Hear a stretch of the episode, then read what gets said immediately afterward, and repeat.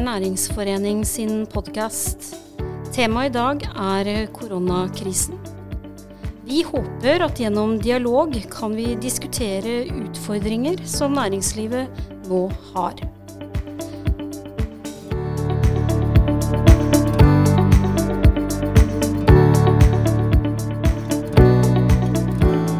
Jeg heter Heidi Skjeggerød og er daglig leder i Tønsberg Næringsforening. Som forening ser vi at det er helt nødvendig å nå ut til medlemmene våre på en ny måte. Frokostmøter og andre nettverksmøter er jo helt uaktuelle nå. Podkast er jo ikke noe nytt, men for oss er det det. Dagens gjester er Anne Rygg Pedersen, Terje Tønnesen og Kårstein Eidem Løvaas. Jeg er så heldig at jeg har med meg Kristin Saga, som er regionsdirektør i NHO Telemark Vestfold, som medprogramleder. Velkommen til deg. Tusen takk. Ja, hvordan har du det, Heidi? Er det travle dager? Ja, det er travle dager. Det er uh, annerledes dager. Uh, travle dager syns jeg vi har bestandig, men um, det er dager som gjør at uh, man må tenke nytt og det er jo også spennende. Mm. Hvordan er det for deg, Kristin? Nei, jeg har det jo på samme måte som deg, at det er veldig travelt, og vi må tenke nytt. Og det er litt vel spennende innimellom. Men jeg må jo si at det å jobbe i NHO eller Næringsforeningen eller andre eh, som nå jobber mot bedriftene våre, hjelper dem i det de står i, det føles jo også meningsfylt. Så sånn sett så er, det, så er det lett å ha det travelt om dagen. Helt enig. Du, eh, Anne, du er jo ordfører i Tønsberg kommune. Eh, det ble du vel sånn formelt 1.1.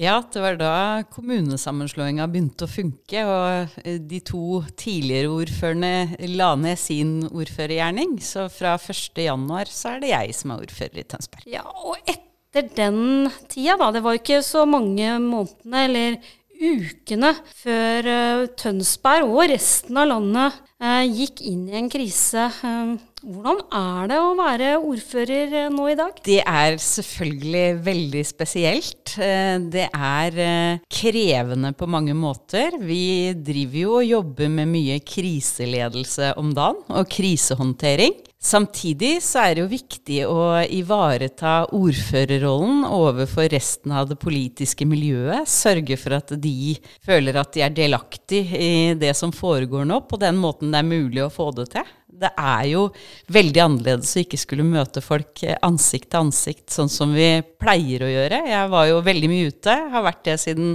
oktober i fjor. Og det ble det jo en bråslutt på. Så nå er fokuset veldig på å få tjenestene våre til å gå. Planlegge langt nok fram. Sørge for at folk får den helt nødvendige helse- og omsorgstjenesten de har krav på. Sørge for at alle ungene våre og barnehagebarna som er hjemme, opprettholder en kontakt med voksenpersonene i barnehage og skole. Så her er det, det er, det er minst like mange oppgaver, men på en annen måte enn det var før denne eh, skal vi si, unntakstilstanden satte i gang. Vi er jo også selvfølgelig nysgjerrige da, vet du, å høre hva er det kommunen eh, gjør i forhold til å bevare, eller ikke bevare, men eh, å ivareta eh, næringslivet og næringslivets interesser. Vi er eh, veldig bekymra om dagen for næringslivet vårt. Eh, Tønsberg har jo en litt hva skal jeg si, spesiell profil på næringslivet sitt. Heldigvis har vi mye offentlige arbeidsplasser. De går jo stort sett eh, som de skal, selv om det er mange på hjemmekontor. Men det øvrige næringslivet vårt er jo veldig retta mot handel, mot eh, restaurantnæringa, mot altså veldig publikumsretta tjenester. Og så har vi selvfølgelig industri industrien og bedriftene våre. Og vi er først og fremst nå opptatt av å ha god kontakt og god puls eh, på hvordan det ser ut i næringslivet vårt. og Derfor er vi også veldig glad for at Tønsberg Næringsforening og Tønsberglivet og vi har faste møter hver eneste dag. Det er viktig for oss. Ja, for det har vi virkelig. Vi har eh, klokka tolv hver dag så har vi noe vi kaller for krisemøter. Eh, og der diskuterer vi saker som hele tida kommer inn. Og ikke minst så igangsetter vi prosjekter og arrangementer på en annen måte.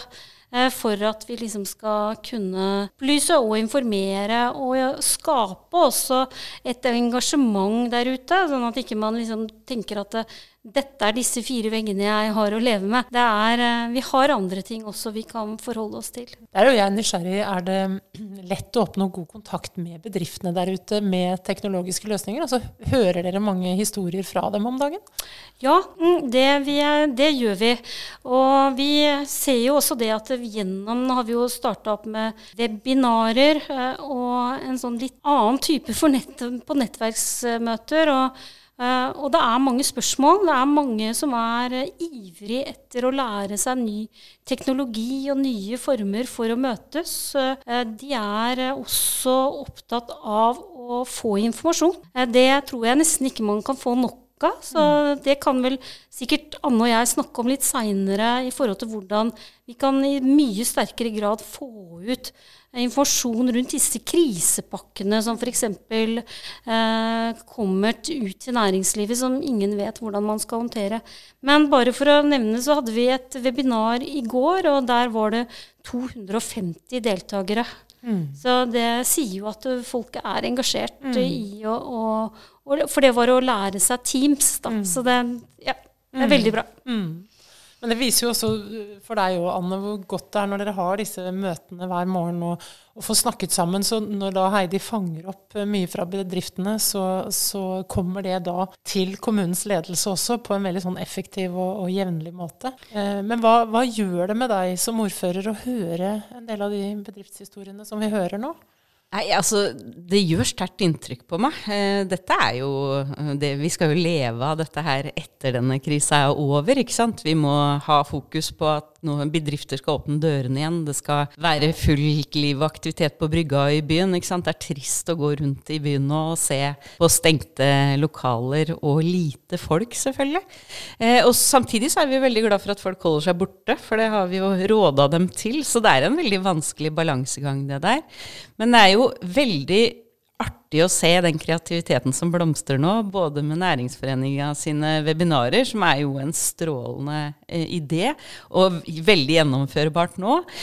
Til, og også se liksom de arrangementene som vi også er sammen med flere av aktørene om nå, hvor folk bare flokker til, og dette vil de være med på, og dette vil de Altså nå Det skjer noe. Jeg føler at vi er mye mer vi nå enn vi var før denne hendelsen, og det tenker jeg er noe av det positive som vi skal ta med videre også det tette samarbeidet som vi nå ser på alle fronter, egentlig, og den dugnadsviljen som fins både blant næringsliv og eh, befolkninga for øvrig. Mm. Men, men, så er det jo sånn at eh, noen har det jo bra.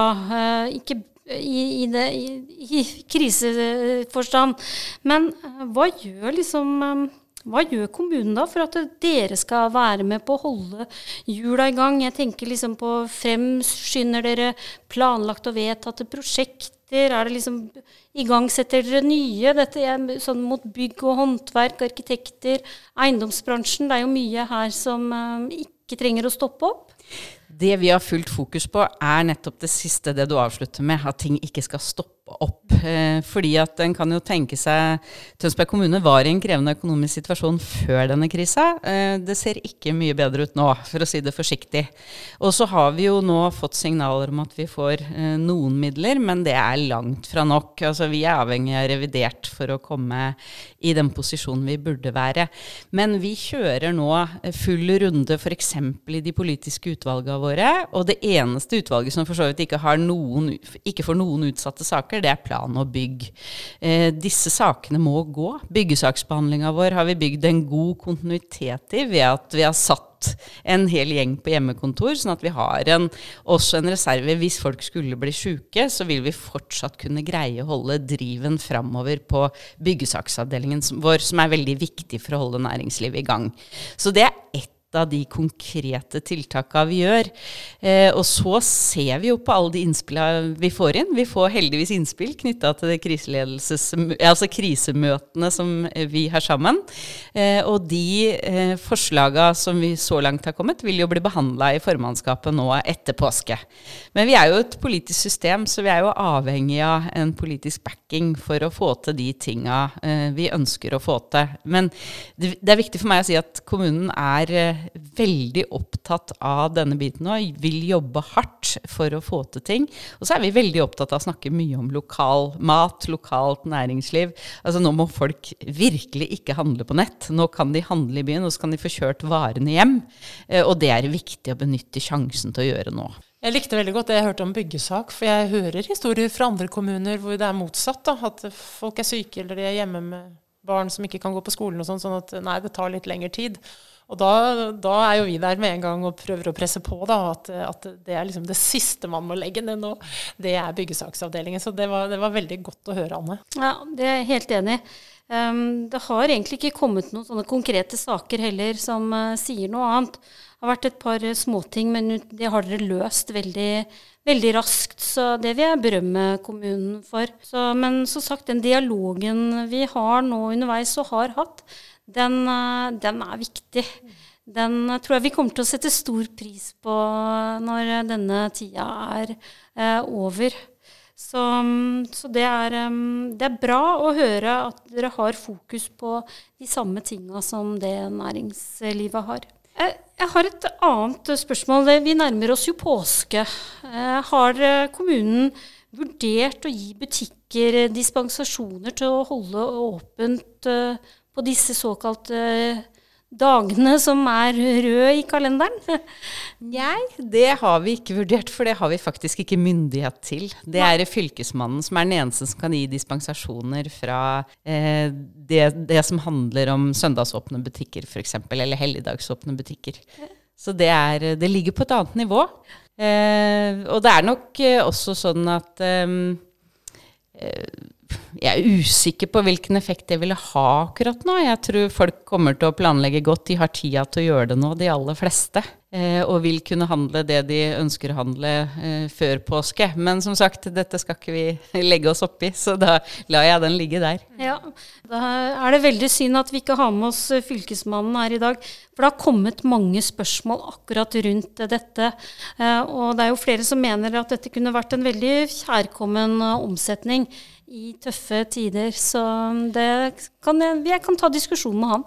Men nå var jo statsråden veldig tydelig og klar ute tidlig når det var noen som prøvde seg i Tønsberg med søndagsåpne storbutikker. Eh, og da var statsråden ute og sa at de ville ikke ha noen lempninger på den loven. Så jeg tror nok det er begrensa hva Fylkesmannen kan gjøre her også, i den situasjonen vi er nå, faktisk.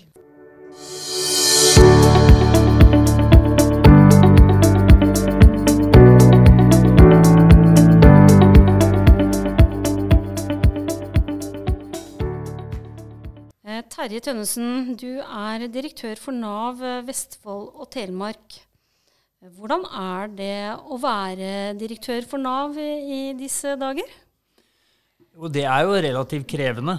Eh, det er jo det. fordi det er jo stor oppmerksomhet eh, rundt uh, våre felt. Uh, det er mange mennesker som er permittert utafor arbeidslivet. Mange bedrifter er i en helt annen fase enn for bare noen måneder siden. Så det er klart at det er jo ganske trøkk mot min organisasjon. Det er klart at mye av politikken vi skal forholde oss til, skjer jo på Stortinget og via forhandlinger, og så skal man prøve å iverksette det ut i, i, så det virker overfor den enkelte person og den enkelte bedrift. Så det, det er krevende om dagen, det er det. Men det er klart det er enda mer krevende å legge ned en bedrift. og å være permittert. Så sett i forhold til det, så er det jo en interessant oppgave. Da. Og Det er jo ikke helt tilfeldig da at vi også har med oss eh, deg, Kårstein. Eh, Kårstein Eidem Løvaas, du er eh, stortingspolitiker for Høyre. Du er valgt inn på tinget for Vestfold og Telemark. Du er jo i en litt sånn spesiell situasjon, fordi at ditt parti sitter også med statsministeren. Og dere er jo sentrale i regjeringen, så hvordan er dagene dine da? Det er en veldig spesiell situasjon. Eh, det er jo eh, en unntakstilstand. Uh, ingenting er som det var for noen få uker siden. Uh, det er fort gjort å glemme hvor fort dette har gått. Men jeg har aller først lyst til å rose Nav litt, fordi de sitter jo nå og skal effektuere alt det vi gjør. og man kan sikkert mene at politikere jobber sakte av og til, men akkurat nå jobber vi veldig fort. Og i det øyeblikket det har stått i VG at nå har du krav på, eller nå er det vedtatt, eller slik blir det nå, så kommer folk til Terje og sier jeg vil ha dette. Jeg har lest i avisen at jeg skal få det. Og så tar det kanskje uker, og i verste tilfeller måneder, å gjøre om systemet systemene, for systemene er jo rygget for en helt annen virkelighet enn det vi har nå. Så, så folk må være litt uh, tålmodige oppi den krisen de står i. Men det er ikke så lett når du ser avgrunnen foran deg. Uh, jeg kjenner på et veldig ansvar. Uh, det blir faktisk våkenetter av det. men jeg synes at vi så langt klarer å stå skulder ved skulder også på Stortinget, og stort sett legge bort småkiv og småkrangel mellom partiene. Legge bort de, unnskyld da til alle de som har fremmet de forslagene, men de litt uviktige sakene nå, og konsentrere oss om å løse denne, denne krisen. Så foreløpig så er det en, en samarbeidsånd da, oppi det hele som gjør at jeg er optimistisk til at vi skal klare det. Men det er jo det er vanskelig å se akkurat når lyset eh, kommer opp i horisonten. altså akkurat nå. Det er jo sånn, eh, I går ble det jo lagt fram en ny krisepakke, eh, og den tenkte jeg jo at det er interessant å høre litt mer om. Men jeg har bare lyst først å spille en sånn ball til Terje. fordi den første krisepakka var jo veldig din. Altså dette med permitteringsregler og hvordan eh, sikre både at ansatte som blir permittert, skal få penger. Eh, og hvordan skal vi også sikre at bedriften ikke får store utgifter som følge av at at man kanskje normalt da, må betale en del dager av, av permitteringen også. Um, hvor, hvor, langt har dere kommet nå? Hva er status i forhold til den første krisepakka og dette med nettopp permitteringer og søknader, og hvordan det ligger an nå? Altså, det er klart at Når eh, Stortinget gjør sånne forandringer i et så, såpass omfattende regelverk, så, så, slår jo det inn. Eh, og jeg tror også mange bedrifter satt og venta litt på disse reglene. Hva blir ordningene? Hvor stor kompensasjonsordning blir det? Hvor mye blir arbeidsgiverperioden og sånne ting? Eh, og når det blei kartlagt eh, politisk, så, så eh, permitterte en del mennesker. Så vi fikk jo en flom i uke 12 og 13 som var, var ganske enorm. Ingen har sett maken siden krigen. Så det er klart at det, det kom inn som en tsunami. Og så har det flata litt mer ut, men fremdeles er det ganske stor tilgang på, på permitterte. Så vi må jo forholde oss til som det er beslutta, men, men, som du sa, ikke sant? Det, det, for det første skal det reguleres via regler. Det skal uh, være fortolkninger, det skal være uh, forskrifter. Det er mye jobb i bakgrunnen av en sånn stor forandring. Uh, og så skal det også datateknisk settes på plass. slik at vi strever jo en litt tid for å få dette i orden. Det folk skal vite, det er at de får disse pengene. Mm. det store spørsmålet er når. Og når det kom opp en forskuttering på dagpenger nå, før det var i forrige uke, så letta jo det litt av trykket. Men fremdeles er det jo uavklarte ting vi jobber med, f.eks. mot selvstendig næringsdrivende, som ikke er kommet på plass ennå. Det er klart det er en kritisk å få på plass før nå før nå f.eks. vi går i påske. Men det som, det som eh, hvis jeg får lov, Heidi, ja. NHO sine medlemsbedrifter var jo veldig tydelige i starten på å melde inn det om at nå er så og så mange permitterer, så og så mange eh, opplever at, eh, at eh, omsetningssvikten kommer. ikke sant? Og noen mister jo til og med markedet sitt tvers, rett over natten da, når vi snakker om 12.-13. mars. Eh, og så er det løst på mange måter da, ved, ved, hjelp av disse permitteringsreglene. Men så kommer jo da behovet for kontantstøtte, Korstein. Og det, det, det kom i går. Det kom i går. Eh, det kommer også mer eh, da fredag da, denne uken. Så, så kommer det mer innretning også til i nettopp selvstendig næringsdrivende, som det jobbes med nå. Så er det også sånn at når, eh, Tilbake til det jeg var inne på i sted også. Da vi vedtok dette i går, så tenker alle ok, men da er det vedtatt. Men det skal jo vedtas om igjen. Vi vedtar alt to ganger, så det vedtas da om igjen på fredag. Og så skal det settes ut i, ut i livet. Og når eh, du har systemer som er rigget for en normal situasjon, hvor du, hvis du melder deg arbeidsløs, så har du meldeplikt, og du skal skrive CV, og du skal være aktivt jobbsøker altså, Det er mange sånne ting vi må, som er riktig i en normal situasjon, men som vi må rydde unna nå, eh, og som det tar litt tid. Norge er jo et perfekt sånn tunet system, egentlig. men når vi nå, for å bruke litt militært begrep, har fått en torpedo midtskips, så funker ikke de systemene. Eh, og da skjønner jeg en saksbehandler eh, hos Nav som sier at ja, dette skal du nok få, men jeg har ikke lov til å gi deg det akkurat nå. Så vi må, vi må rydde, rydde litt. Ja, det er jo det store arbeidet som, eh, som gjøres nå. Men samtidig så er folk engstelige. ikke sant? De ser at huslånet forfaller, strømregningene forfaller, de må holde kjøleskapet fullt med mat. Det er, det er de nære tingene da, som begynner å bli veldig tett innpå folk. Og Om du selv ikke er permittert, så kjenner du noen som er permittert, og det kryper bare nærmere og nærmere. Og vi må passe oss nå for at vi klarer å beholde den dugnadsånden og den optimismen som faktisk er i folket, eh, og at ikke den går over i en, en mer redselsfase. Eh, for det vil være enda mer ødeleggende. Eh, og det er én ting, å løse tingene nå. Vi pøser inn mange hundre milliarder kroner. Vi er heldige som kan gjøre det. Men hva, hva skjer etterpå?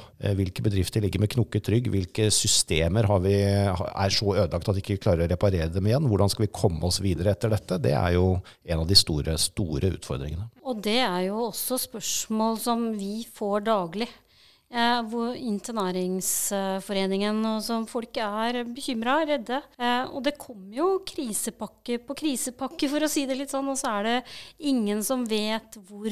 Hvor skal man søke, når kommer disse pengene? Hvem er det liksom som skal ha kontroll på, på at akkurat jeg da får det som jeg har krav på eh, i denne situasjonen? Eller i hvert fall da ikke ha krav på, det er et dårlig ord, men i hvert fall da ha muligheten til å, å benytte seg av. Og, og, det er jo mange, spesielt disse bedriftene som måtte stenge 12.3, to timer etter at uh, regjeringen hadde pressekonferanse. De er jo i en situasjon som man jeg, jeg, vet liksom ikke hvordan man skal få fortalt dem at uh, dette kommer til å gå bra. Det er liksom Nei, Det er en fortvilet uh, situasjon, og de har jo også fått merke si, eh, tregheten i beslutningsprosessene. Da, fordi at de nyter ikke godt av alle de raske beslutningene som har kommet, for de har allerede hatt permitteringer en del dager, har allerede hatt en del ting som har forfalt. Uh, og Det er jo noe av det vi skal forsøke å, å, fange opp med det neste som kommer nå, med kompensasjon til særlig de som fikk yrkesforbud, men også andre eh,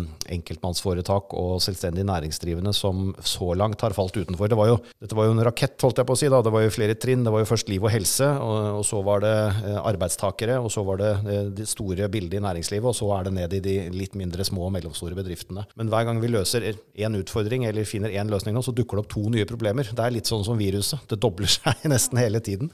Så, så, dette er et arbeid vi kommer til å måtte jobbe med, og Stortinget og regjeringen kommer til å måtte jobbe med i månedsvis fremover, på helt andre måter enn vi har arbeidet tidligere. Det, det, håper jeg.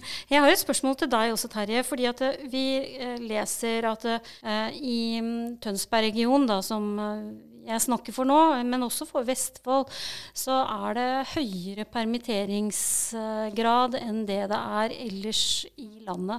Har du gjort deg noen tanker om hvorfor det er, hvorfor det er sånn? Vi har vel faktisk ikke høyere permitteringsnivå enn eh, Norge, men vi har høyere ledighetsnivå. Det betyr at vi hadde ganske høy ledighet relativt sett. da. Nå ble jo det i forhold til noe annet. Men det var høy ledighet i Vestfold og Telemark, og så fikk du permitteringer. Men permitteringsnivået er lavere enn nasjonalt. Men det er høyt nok, for å si det sånn. Eh, men, det er klart, her slår det litt ulikt inn, fordi at eh, pandemien slo jo litt ulikt i bransjer. Og det er liksom, Hvis du går til Rauland nå, så er det jo den høyeste permitteringsstedet i, i, vår region. Det er fordi at de var turistdestinasjon. Og når det kommer på Tønsberg og Færder, som jeg så litt på før dette, så er det klart der slår handelen inn. Der slår, for det slo ganske raskt inn i, i, den næringen. Ikke matvare, men resten av den næringen.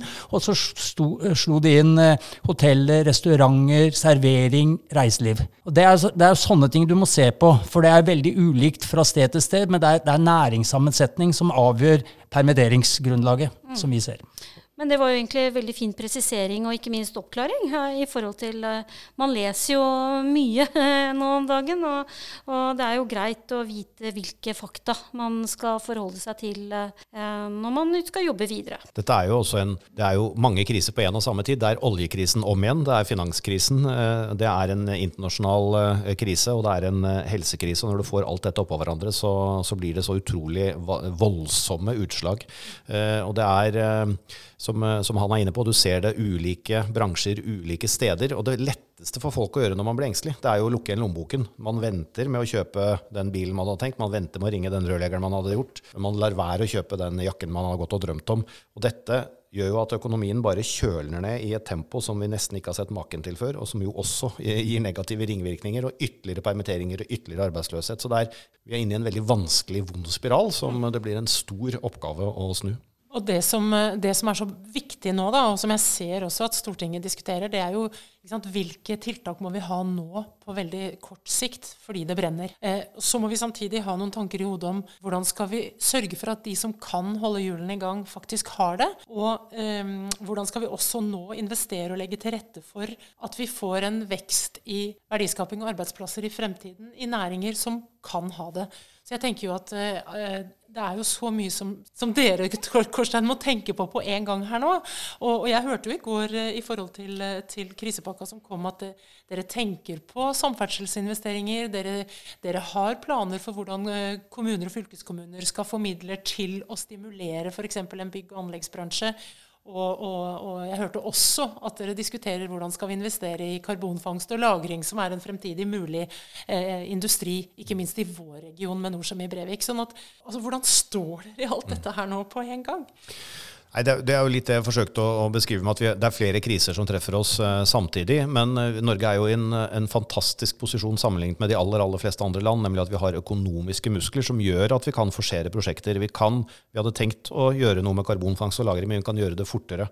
Nå skal ikke jeg forskuttere alle prosjekter som kan, kan bli forsert, men at det er store infrastrukturprosjekter som man kan blåse i gang tidligere, det er nok grunn til å tro. Så vi er sånn sett i en, i en heldig situasjon i Norge at vi har har muligheten til å gjøre det. Men samtidig må vi passe på at vi, de tingene vi gjør nå, er riktige ting. At vi ikke ender opp med å, å, å si, sløse bort de pengene eller gjøre det bare for å gjøre det. Men det må jo være noe som gir oss verdiskaping lenger frem. Men, men situasjonen er så altså For fire uker siden så satt jeg og skrev på eh, kapitlet til Høyres nye program på næringsdelen. Og, det, og de første setningene er det går godt i Norge. Er, arbeidsløsheten er historisk lav. Alle piler peker oppover. Det er, jo, jeg, det er bare å kaste det. Det er, det er feil alt sammen. Vi er i en helt annen situasjon. Det bildet. Ja. Altså, jeg, tror, jeg, tror, vi må bare innse det at uh, næringslivet vil ikke være det samme etter pandemien som det var før. Uh, og så ikke liksom bare sitte og vente på at dette går over og så går videre. Jeg tror vi må liksom uh, Enhver krise har en mulighet, for å si det sånn. Og det har vi gjort i Grenland, og vi omstilte Hydro og litt sånne ting. Så, så kommer det bestandig initiativer, det kommer omstillinger, det kommer nytenkning. Ved siden av det tragiske så må man liksom fange opp det. Og det blir jo det som blir viktig i politikken. det er å forberede seg på en ny tid, for bransjer må endre seg. Og nå får man liksom behov for å endre seg mye raskere. Slik at den der pakka i går er jo vel så interessant for meg som for mange andre, nemlig hvordan få kompetanseheving i arbeidslivet nå eh, i, denne perioden. Og hvordan skaper vi nye arbeidsplasser, innovasjon, eh, eh, og ikke vente. Det er jo kanskje det mest avgjørende i politikken, syns jeg, da, sånn, hvis man skal diskutere det. Det tror jeg du har helt uh, rett i. Uh, nordmenn er flinke til å omstille seg. Uh, vi er et folk som har klart oss med, bortsett fra kanskje de siste tiårene, med, med små ressurser og vært flinke til å få mye ut av lite. så det er vi gode på. Eh, hva er det vi skal leve av, og hvordan i fremtiden? For at næringslivet slik vi kjente det, eh, kommer til å se likt ut på andre siden. Det gjør det ikke. Ja, og det, det, det, tror jeg vi alle er enige om. Jeg kunne også egentlig tenkt meg å stilt noen helt sånne konkrete spørsmål som eh, medlemmene har kommet med. Og de går egentlig litt til deg, Kårstein. I forhold til store byggeprosjekter. Så nå har man jo vært ute og sagt at bedrifter bedrifter som uh, sliter um, i forhold til likviditet, for, da med selvfølgelig innenfor noen rammer. Uh, der vil det nå komme likviditetslån. Men um, har dere tenkt på at uh, man kunne også gitt Eh, lån til byggherrer, sånn at ikke eh, store byggeprosjekter stoppa opp. Og man da holdt hjula i gang i en voldsom stor næring. Og, og satt også noen ganske sånne store, høye og strenge krav til tilbakebetaling. Er det verdt et tema? Det er absolutt et tema. og er, eh, Nå er det rekordmye innspill som kommer inn, og det er veldig mye konstruktivt. Det er selvfølgelig folk som er engstelige også, men i utgangspunktet så kommer det nå veldig mange. Hva om? Eller har dere tenkt på, kan vi prøve dette? Og alt det eh, blir nå eh, håndtert ordentlig. Alt sammen blir sendt til Finansdepartementet, til Arbeids- og sosialdepartementet, til Næringsdepartementet og til eh, Justisdepartementet. Og alt tas med i arbeidet med pakkene. Og det er ikke sånn at nå kom krisepakke tre, og så er vi ferdig. Dette kommer til å komme mange justeringer og pakker fremover. Og dette er definitivt et, et innspill som, som, vi tar med oss. Jeg var så vidt inne på det i sted. Jeg skal ikke forskuttere hvilke prosjekter eller hva som kommer til å løftes opp av skuffen, men det ligger jo mye klare prosjekter i offentlige skuffer i kommuner, i fylkeskommuner og i stat rundt omkring. Og det å få fart på dette tror jeg er viktig. Det å ha garantier som gjør at entreprenørene tør å satse. Det å ha, vi har jo stilt lånegarantier allerede, men det å kanskje utvide det at Norges Bank gir enda mer eh, garantier overfor bankene. At vi har et finanssystem som funker nå, det blir helt avgjørende for å få det til, uansett hva det er vi skal satse på etterpå. Det er bra å høre. Fordi at eh, vi, vi, får jo ikke tallene nå for eh, mars-april. De får vi jo ikke før, eller de skal vi jo rapportere inn i juni. Så liksom, situasjonen er jo veldig vanskelig å lese akkurat nå for hvordan eh, verdiskapingen i næringslivet er. Så, så eh, Jeg tror vi må kunne være, vi må være så brutalt ærlige som å si at 2020 for næringslivet er et tapt år. Eh, og det kommer til å bli et negativt nasjonalprodukt, og vi kommer til å ha en, en negativ vekst. Eh, så er det oppgaven å, å snu dette fremover. Og så er, det er den, den, balansen mellom å ha kriseforståelse, forstå hvor alvorlig dette er, men samtidig ikke slukke alt håp. Vi må jo på en måte tenne noen lys i dette mørket og så se, prøve å se fremover. Ja, og jeg tenker at Hvis man kan igangsette tiltak som kan være med på å skape verdi, verdier videre, det er viktig. Og det vil jo være liksom kanskje det offer, eller statens viktigste oppgave oppgave, tenker jeg. Så, Så det, er, det, er, jo en litt sånn spesiell situasjon. fordi at la oss si byggebransjen, da. Noen av det går så det aldri har gått før. Mens andre permitterer. Og Sånn er det jo mange bransjer. Liksom, du kan ikke si at denne bransjen er ute, denne er inne, for den er veldig varierende. Så sannsynligvis noen av disse bransjene trenger arbeidskraft, eh, mens andre permitterer. Så, så det, dette er at vi kan mobilisere bevegelse av arbeidskraft nå, blir helt kritisk viktig. Vi kan ikke ha 300 000 ledige og så behov for arbeidskraft et annet sted. Så vi må liksom få det til smøre. Og da appellerer jeg faktisk til de som er permittert og ledige, at de stiller seg disponibel til de bransjene som faktisk nå trenger folk. Ja. Det er et veldig viktig poeng, og det, det et, viser også dilemmaet. dilemma. Vi har skrikende behov for arbeidskraft nå i jordbruket akkurat nå. Nå skal plantes, og, og det er sesongarbeidere som veldig ofte kommer utlandet. Men så har vi da et antall hundre tusen som, som, er arbeidsledige. Så er det ikke sånn at du kan bare ta en, en flyvertinne og sette ut i åkeren. Altså det, det, er kompetanse, og det krever det også. Men at vi en større fleksibilitet i arbeidsstokken fremover vil være, vil være helt avgjørende. Ja, og ikke minst å være Eh, når man registrerer seg. Eh, at man, når man registrerer kompetanse, at man er fleksibel der. Det, jo, det vet jeg at Nav har oppfordra til tidligere, og det, det,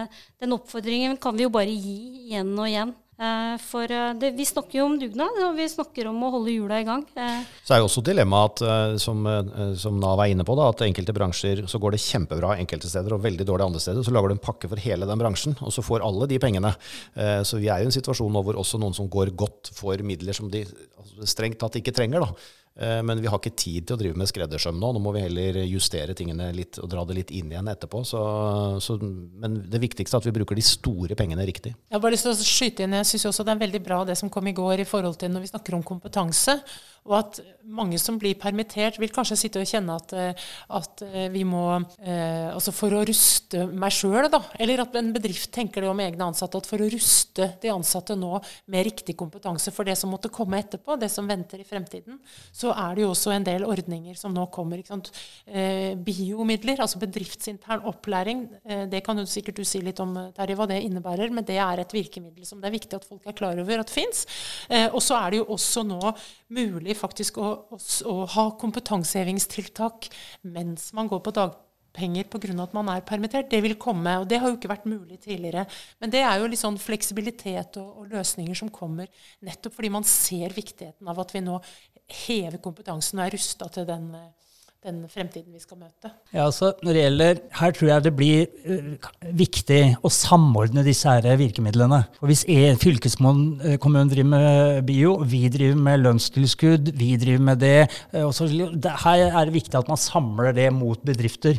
Uh, og så er det jo dette som kom i pakka i går, med at du kan gå på dagpenger og drive med utdanning. Det er jo ikke regulert ennå. Så nå tror jo folk det er i orden, men det er jo ennå ikke bestemt. Det skal reguleres, det skal lage ordninger. og så må man jo finne ut skal dette være mot fagbrev, eller skal det være høyere utdanning. Så det er så mange uavklarte ting. men ja. Samfunnet tror det er i orden. Men det er en god tanke ja. at vi utnytter tida vår. Skjønner. Vi kunne jo snakka i timevis. Eh, og jeg tenker at eh, det kommer vi sikkert til å fortsette å gjøre også. Eh, men akkurat for i dag så er vi mer eller mindre ferdig, eller vi er ferdig.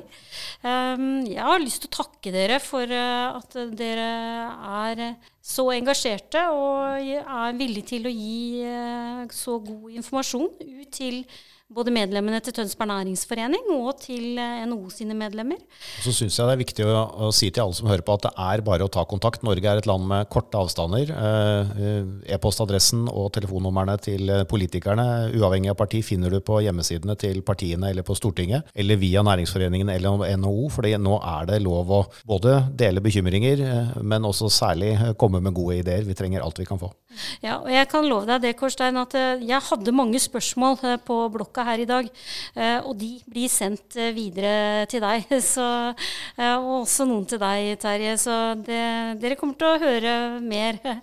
Så, men, men, takk for i dag. Og jeg har lyst til å takke X-Frame, som er de teknisk ansvarlige for podkasten. Stefan og Espen de har gjort en fantastisk jobb. Tusen takk, alle sammen. Jeg håper dere får en fin påske. Uh, og at vi neste gang møtes uh, har andre ting å diskutere uh, enn akkurat den situasjonen vi er inne i nå. Men Eller at vi har kommet et skritt videre. for det, det, trenger vi. Så um, tusen takk. Og tusen takk også til deg, Kristin.